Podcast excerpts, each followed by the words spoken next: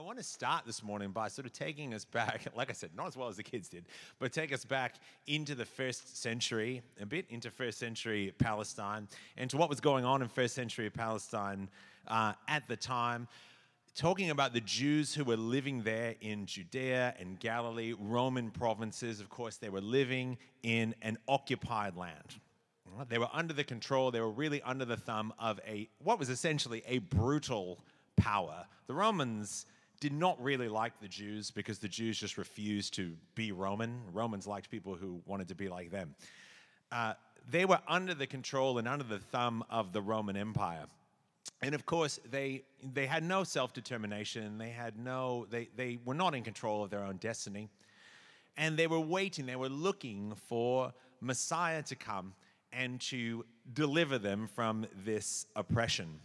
And the Romans were really, I mean, when you think about it, they were really just the next in a long line of oppressors and occupiers who had control of the land of Palestine from the Babylonians through to the Persians, through to the Greeks, and now the Romans. And the thing was, though, whilst they were waiting and looking for this Messiah, there were a lot of different ideas and a lot of different perspectives about uh, the reasons for this occupation. Why was it happening? Um, what was the reason for their suffering, and a lot of different ideas about what the arrival of Messiah would and should look like. Um, one group that we read a lot about was the Pharisees. They feature very heavily in the Gospels, obviously. Uh, and the Pharisees thought that the problem was that we had defiled ourselves with foreign influence. So they looked back at the scriptures, scriptures like Ezra and Nehemiah, even further back than that, and they thought, okay, the problem is that we've allowed too much foreign influence to corrupt us. Uh, we've, you know, they looked back at scriptures where the Jews had intermarried with the groups around them and they'd adopted their gods and things like that. And they said, oh, you know what? Our problem is we've been defiled. We've, we've compromised with these foreign powers. And so foreign invasion and oppression was the consequence. That was like God's. It was like straight from the ironic punishments division. You know, like oh, you well, you corrupt yourself with foreign influences. Well, I'll have you invaded by foreigners to show you what that's actually like. And so that was the way. There's a lot of that in the Hebrew Bible. A lot of the Old Testament texts really do paint it uh, just that way. And so the Pharisees thought, well, the solution to this problem is that we need to separate ourselves from foreign influence. We need to purify the nation. And by the way, the Pharisees were really, really, it doesn't come out much in some of the histories we have, but it, they were really into pure blood. They did not like mixed, mixed blood. They liked pure blooded Israelites. Uh, they considered themselves to be pure blooded Israelites. And so their idea was we have to purify the nation of foreign influences. And in the interactions that we read about between Jesus and the Pharisees, and, and with the early Christians as well, in like the book of Acts, what, what is it that the Pharisees are concerned about? What routinely comes up? Well, circumcision comes up a lot in the book of Acts, we see. Keeping the Sabbath comes up in a, in a lot of gospel texts. They're very angry with Jesus because they don't think that he keeps the Sabbath properly. Um, ritual purity, like kosher food laws and, and washing hands before you eat and things like that, keeping the law. Why, why these things? Why the Sabbath? Why circumcision? Why ritual purity? Why the law? Well, it's because these things, these are the markers of Jewish identity. These are the things that set them apart from foreigners, from the foreign nations from around them, from the Romans. These are the things that say, we are Jewish. And that's why the Pharisees were supremely concerned with these particular, these particular things. They were the markers of Jewish identity. And so once Israel sort of kept these markers strong, drew their line in the sand, kept the law, purified themselves, then God would respond by sending Messiah. And that was, the, that was sort of the deal the Pharisees had figured out or thought they'd figured out. And many believed that when this Messiah would come, that he would take vengeance upon the foreign oppressors, that he would exact vengeance upon the Romans for all the oppression and suffering that they had caused. Now, the Pharisees were one group. Like I said, there were many ideas floating around. Pharisees were one group. They were a very popular group. The people loved the Pharisees, by the way. It's, they, were, they were a very, very popular group of people at the time. But they weren't the only group in town. There were also the Zealots. I think, if I remember right, Josephus calls them the fourth philosophy, um, sort of a fourth group that he talks about. There were members of the Zealots who we call the Sicarii. And the Sicarii, the Sicarii translates to dagger men because these guys would like sneak up on you in the marketplace and pull these daggers out of their cloaks and stab you in the back. That's what they would do. Um, so you can see that they kind of went a step further than the Pharisees. They didn't think the Pharisees really went far enough. Uh, let's not just let's not just wait for the Messiah to come and exact vengeance. Let's exact our own vengeance right now. And that was the way that they went about it. Let's not wait for Messiah to purify the nation. Let's do it ourselves. Let's purify the nation through violent uh, retribution and revolution, and by taking up arms against the Romans. And not just the Romans, but anybody who liked the Romans. They were just as good at stabbing who they thought were collaborators in the back as they were stabbing Roman soldiers in the back. In other words, let's the Zealots said, or the Sicarii said, let's become the Messiah that we're actually looking for. And the expectation for so many of these groups, really for the Pharisees and the Sicarii alike, the expectation, and I think Ben mentioned this last week, the expectation was for a Messiah who was a military strongman. All right? A Messiah who would come and mete out death and destruction and vengeance and that's what a lot of people at the time were looking for and were hoping for. Now, in this season, in this Advent season, we anticipate the return of the Messiah. That's my Christmas tree, by the way. I thought it was pretty, so I put it on. Yeah. Yeah. It has light, you know, it's got lots of light. And light will feature heavily in today's talk. And this is, I think, if I'm not mistaken, this is the Advent week where we talk about light. Is that right? Somebody will correct me if I'm wrong. I should have looked before I came. I didn't. But in this season, we do anticipate the return of the Messiah. That's really, honestly, what the Advent season is all about. We anticipate his return by reflecting on his first coming, on his first Advent.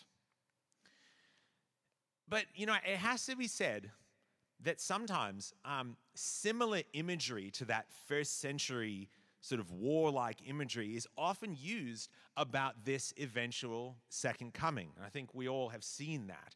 Um, we get this imagery oftentimes of a, a vengeful warrior dealing out wrath and destruction and torment, riding in on a white horse and slashing everybody with his sword. And, and, and that kind of thinking can easily turn anticipation into fear. Into fear. So much so that we don't actually look forward to the return of Jesus.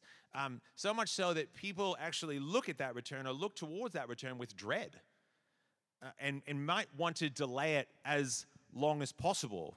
You just give us a few minutes to tidy up. You know, and, and go, oh, no, right, yeah, we're, we're, we're sort of just just a bit longer, yeah. And so it might be this idea of trying to actually push this thing off, like push this thing off because we don't want to see it because it sounds dangerous and deadly and vengeful. In the uh, in the Revelation series that we did, uh, what was that term two or term three? In um, earlier in this year, we tried to address some of that imagery that's often used. Like for instance, this this image right here, the rider on the white horse image uh, from Revelation 19. Um, I'll say that on, on, the YouTube channel, on the YVV YouTube channel, I think, I think it's still there. I think those Revelation talks are still there, so you can look at some of those teachings about um, this particular passage if you like. Um, and we try to address that in a in a sensible way. Um, but today, actually, I want to come at this idea from a different angle by looking at my favorite Advent passage. My favorite Advent passage. It's in John 1. Now, if you look, if you have your Bibles or, um, or your devices, you can turn to John 1.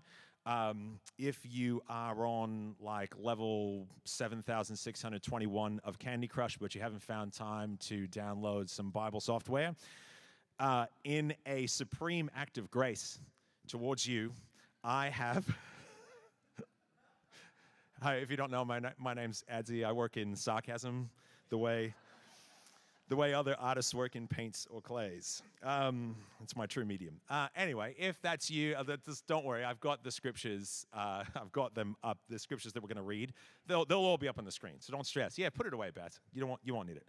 Um, you won't need it as if you're getting if you are going to read along and you're getting yourself situated i'll just say um, while we're turning there uh, john uh, Matt, look matthew and luke we often turn to matthew and luke at christmas time because matthew and luke have the sort of the birth narratives right they're the two gospels with actual birth narratives uh, of the birth of Jesus.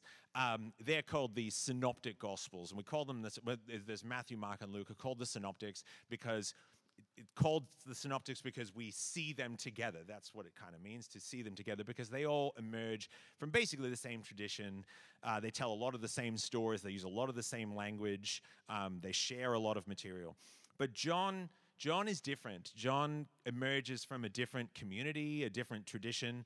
Um, so when you read John, you can see right away it's not the same as Matthew, Mark, and Luke. It's it's a very different take on things uh, very different perspective, but a beautiful one nonetheless that complements the synoptics very, very well. And the prologue to John, that's John 1, verses 1 to 18. We call that the prologue. That's this writer's take on the Advent.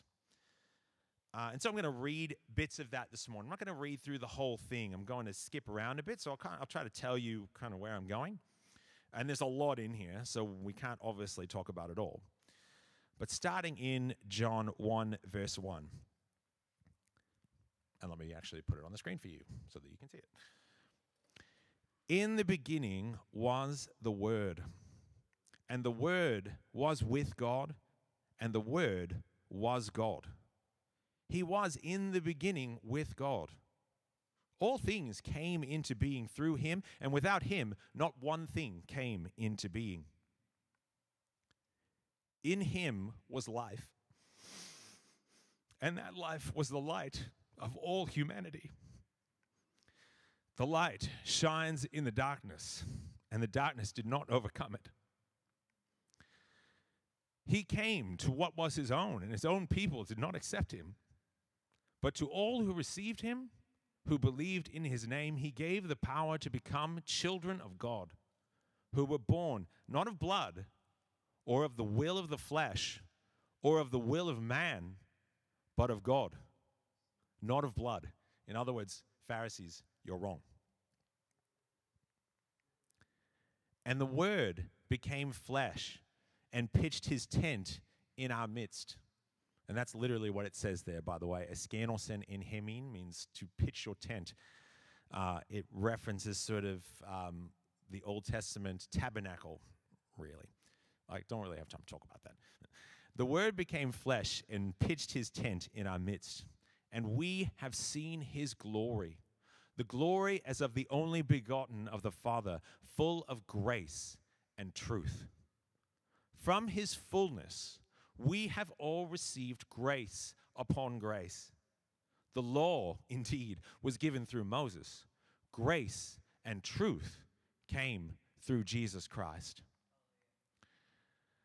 Now, this there's so much richness in this passage. I mean, there's so many. Like we could go down a hundred rabbit trails here. It would take a few weeks. It would take more than a few weeks just to talk about these 18 verses. But the one that I really want to focus on for our purposes this morning is verse 18. Verse 18 says this. Is it up on the screen? Yes. No one has ever seen God. God, the only begotten, who is in the Father's bosom, he has revealed God. And I love this verse, and I want us to focus on this verse. No one has ever seen God. Not Abraham, not Moses, not the priests of Israel, not the prophets, not the Old Testament writers, not any of them. It is God, the only Son, who is, as it says, literally in the Father's bosom. Sometimes it's translated who is close to the Father's heart, but the real Greek means in the Father's bosom. It is the only Son who has made God known. I think it's easy sometimes uh, when we read certain scriptures, uh, like for instance, passages, these passages we're talking about on the coming of the Lord, on the second coming of Jesus. It's easy when we read these scriptures, or people's interpretations of these scriptures, if you like, to see God as a harsh and vindictive being. Sometimes it can sort of, it seems to present itself that way. And I think this is a little side note. I'll just say this though. Um, it's important that we recognize that oftentimes these passages we're reading are written by people who are themselves rather harsh and coming from a harsh culture and maybe interpreting things that way. But we must remember it is Jesus who shows us what God is really like. I'm going to say that again. It is Jesus who shows us what God is really like. Now, if you know me, you will know. I'm going to say this as a just to back myself in here. If you know me, you know I love the scriptures. I love them. But a small collection of 66 books that will fit into your hand could, could in no way contain all that is God. I'm going to I'm going to say that again because that's important. A small library of books cannot possibly contain all that is God and cannot possibly give us an understanding on its own of God. And I think it's important that we recognize that. That's why Jesus came. That's why he came to show us what God is really like. And so, what is Jesus like? How, how do the Gospels portray him? How, how does he treat people that he meets? How does he treat those around him? How does he treat his enemies? What, what are our own personal experiences of Jesus in our own life? What, what are they like? What are our experiences with him like? What do we know him to be? And when we come face to face with that, we then look at some of this sort of violent and vengeful imagery that, that people associate with his second coming. And we have to ask ourselves, uh, you know, this, this Jesus with kind of a multiple personalities disorder who comes the first time one way and comes the second time in a completely different way and we have to ask ourselves you know this guy who kind of uh, who who rides in and take names and and and and slashes people and exterminates them does that make sense does it make sense? Does it jive with anything we know about Jesus? Does it fit the Jesus that we know? Now, I think it's pretty obvious from me asking that rhetorical question that I think the answer is no. But then we have to kind of bring ourselves to this next thing when we ask, well, okay, what then then what about what about judgment?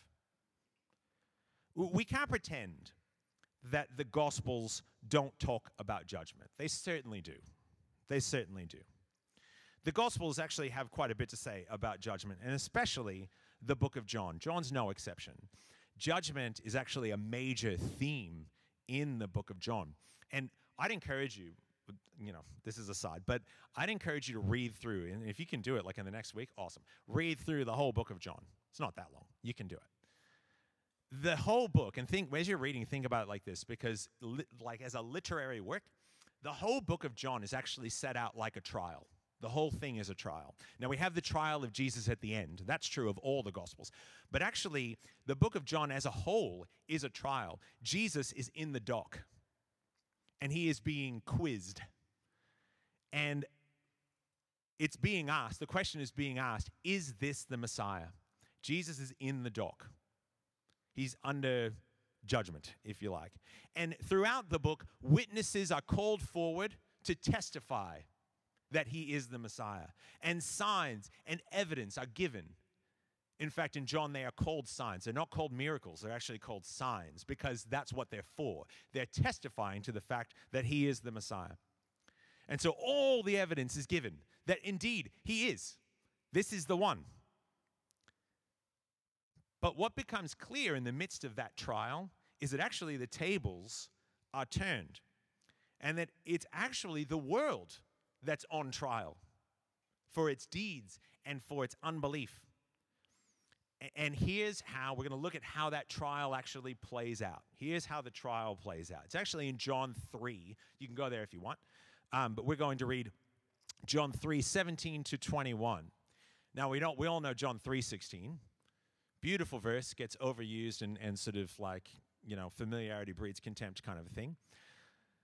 But if you go past 316 to 17 to 21, there's this sort of beautiful passage about what the trial of the world or what the judgment of the world looks like. It says this Indeed, God did not send the Son into the world to judge the world, but so that through him the world might be saved.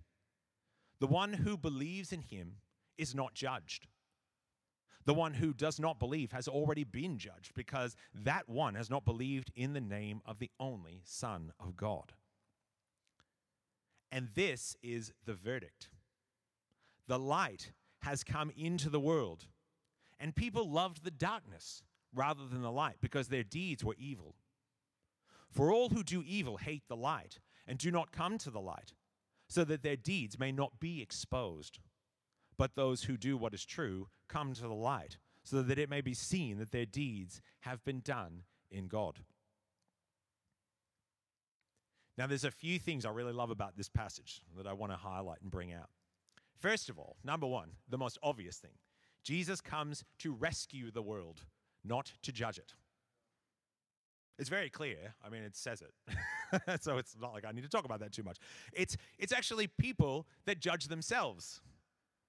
People pass their own judgment upon themselves. They judge themselves by the choices that they make. They judge themselves by the choice they make with Jesus and what they do with him. What they do with Jesus shows who they really are. And the second thing I love about this passage, and that I'd love to bring out, and I really want us to focus on this judgment is not punishment.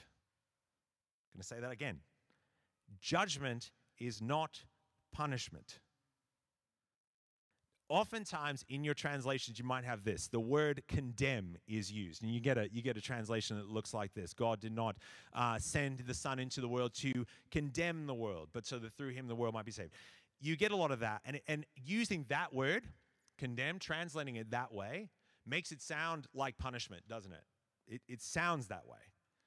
But the word that's used here is the word krino, and krino is used every like all over the place in John. Most of the time, in when when that word or its derivatives uh, basically i should say that word and its derivatives have to do with making a decision that's what it means to make a decision in this case to make a legal decision like a judge passing a verdict all right and that word is used a lot in john krino and its in its derivatives it's never trans like in other places people don't translate it as condemn so i'm not sure why they feel like they need to translate it that way here it's that's not safe. That's not safe translation. Safe translation is to use the context and translate it in a similar or equal way throughout the book. In the context of this passage and in the context of John, I don't think condemn is a very safe translation. I wouldn't translate it that way. In fact, there are many translations that don't translate it that way. They translate it just the way I have it here, which is judge. All right? God did not send the Son in the world to judge the world. Right? The one who believes in him is not judged. The one who does not believe has already been judged. I think judge is a better word, is a better translation. Uh, and many, I should say, it's not just me, I'm not coming up with this myself. Many scholars have written about this very thing and say the same thing that condemn is not a great translation. Here, to me, it's clear that the, and again, not just to me, but many scholars will say it's clear what the judgment is. The judgment is a verdict, it's a verdict on the nature of the world. And here's the verdict it says that. Here's the verdict they loved darkness rather than light. That's the judgment. What is, what is judgment? Judgment is bringing things to light. Judgment is showing us the truth about ourselves and about our actions. Judgment is calling what is wrong, wrong, and calling what is right, right. That's what judgment is. And, and many people don't like that, all right? if you live in darkness, you don't like that. Many people don't like that because they don't want the truth of their actions to be revealed. And watching sort of um, political maneuverings of the past few years and the past few weeks, even, we can see. We see this in people. They do not like the truth of their actions to be revealed. So it makes sense what Jesus says here. If you live in darkness, you don't want to come to the light. Now, in saying all of that, look, I hope my, my purpose today, and I hope this is where we can go. I hope that we can change this morning some of our attitudes about judgment. Because really, the, the biblical view of judgment, and I, I, this is a safe thing to say, the biblical view of judgment is predominantly positive. It's actually a positive thing. And, and, and you can understand this if you, if you just think with me. If you imagine a, a poor widow living in an ancient Jewish village, right? You got that picture in your head? a poor widow living in an ancient Jewish village. Her husband has just passed away, and along comes this very powerful and very wealthy landowner that tries to sort of take possession of her property using unscrupulous means. This kind of thing would happen. And of course, no one in the village there, no one comes to her defense because they're all afraid that that very powerful person will turn upon them if they come to this woman's defense. She has no one to she has no one to stand up for her. She has no one to defend her. She has no one to take her part. But finally, an itinerant judge, and that's the way the judges used to work in, in ancient Israel. They used to sort of travel around to different villages and, and, and hear trials and give judgments. Finally an itinerant judge comes through the village and he hears her case and he finds in favor of the woman. He says that the wealthy man is in the wrong, right? That wealthy landowner has done the wrong thing. He's publicly shamed. And that's an awful thing in that culture. He is publicly shamed before everyone, and her property, she's vindicated, and her property is restored. And you can see that for someone like that, in that situation, judgment is awesome. You are looking forward to judgment. You are saying, I cannot wait to get the judgment that I deserve. I can't wait to be vindicated. And we do see this in the scriptures. We see this in Old Testament scriptures like Isaiah. This is Isaiah 11, 3 to 5. This is a what we call a messianic passage. It's the passage about um, the branch that shoots from the root of Jesse. Uh, it's, a, it's definitely a messianic passage. This is what the passage says. He, the Messiah, the coming branch, he shall not judge by what his eyes see or decide by what his ears hear, but with righteousness he shall judge the poor and decide with equity for the meek of the earth. So it's the poor, the people on the lowest rungs of society, that would look forward to judgment. They would look forward to judgment. And I'm saying this morning and I hope this is coming out, I'm saying we should also look forward to judgment. Judgment is a good thing. It's good. It is good. That's what that what is wrong is declared to be wrong. It's good that exploitation and oppression and greed and racism and hatred and violence it's good that that kind of thing is called out for what it is and declared to be wrong. And that the people who have practiced those things are shown to be wrong. And honestly, we would not think that God was a good God if he did not do this. I, I that's what I think. I mean, I, I, you know, feel free to disagree with me, but I think that's true. We would not think that God was a good God if he did not do this if God did not, if God just simply said, yeah, it's cool, that's fine, that's okay, don't worry about it. Now remember, I'm not saying punishment, but I am saying judgment. It is a different thing. It is a good thing that God says what you did was wrong. Even in my own life, and I hope you can agree with me on this, I find that liberating for me when either it could be it could be God, it could be the voice of the Spirit, or it could be someone speaking with the voice of the Spirit to me saying, That's wrong. What you're doing there is not right. I, I personally find that very liberating. It shows you it, it shows you the truth.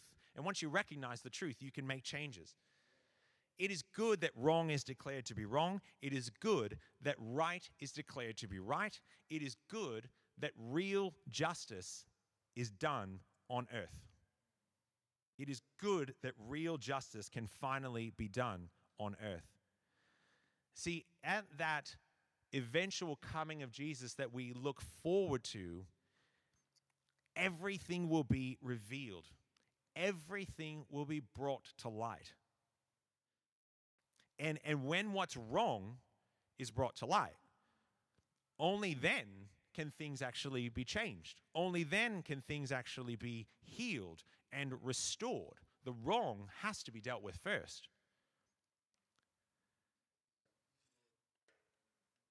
And so the return of Jesus, that, that return that we are anticipating and looking forward to, and, and whatever form of, of judgment that follows that return, means really that everything is about to be set right, that everything is about to be healed and about to be redeemed, that the world is about to be restored the way it was meant to be, and that light will finally eliminate all darkness. And that's a beautiful thing. It really is a beautiful thing. Now, look, here's where here's where I kind of want to go. Um, I would like us, and don't don't move like don't be like my kids, you know, like my my grade five kids who I say, okay, here's what I want to do. Can you get into groups? And right away they start milling around. Like you haven't even heard, you have not even heard the instructions yet. Will you just chill and wait, right? Can I finish? Can I finish my set of instructions? And then you can follow them all at once. Don't be like them. don't be like that what, what I'd like to do is I would like to gather in groups. Um, just the people around you, you know. Um, but I, I, want to, I, I understand a lot of times, and I, like I've, I've had to struggle with this in my own life. Like I really have. Uh, so that's why I want to bring a message like this this morning. I've had to, to struggle a lot with um, ideas of fear uh, and condemnation around the idea of, of judgment. Uh, and had had really to kind of have to deal and, and sort of work through uh, feelings and, and, and senses of fear about the coming of Jesus. Um, it was a long time where I was one of those people would not have anticipated that. Um, so, look, you may be in a similar place this morning. You might be. You might have some. You might have a lot or some fears around that eventual return which could be today, could be tomorrow, could be you know in a minute or two. You might not even have time to gather up in groups. Who knows? Uh, you never know. You just never know. But you may have you may have some fears around that, right? You might, and, and that's that's very that's very normal. I think in a church, it's very normal to have that. I think that's been built up over a long time. But I'd like to sort of address that this morning in our groups. Um, think about these things. You might want to sort of talk about these things before you pray for each other, but that's what I'd like you to do. I'd like you to pray for each other, for those, especially for those who have need to, um, to bring some of that fear up before God and allow Him to deal with that in a loving way.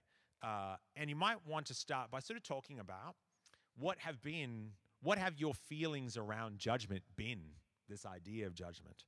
Um, what have your feelings around this eventual coming of Jesus a second time? What have your feelings around that been? Has there been any fear that's that's either under the surface or right on the surface over that? Um, and then you know how easy or difficult I guess is it to see judgment as a, a good thing? Can we can we start to see a little bit of that this morning?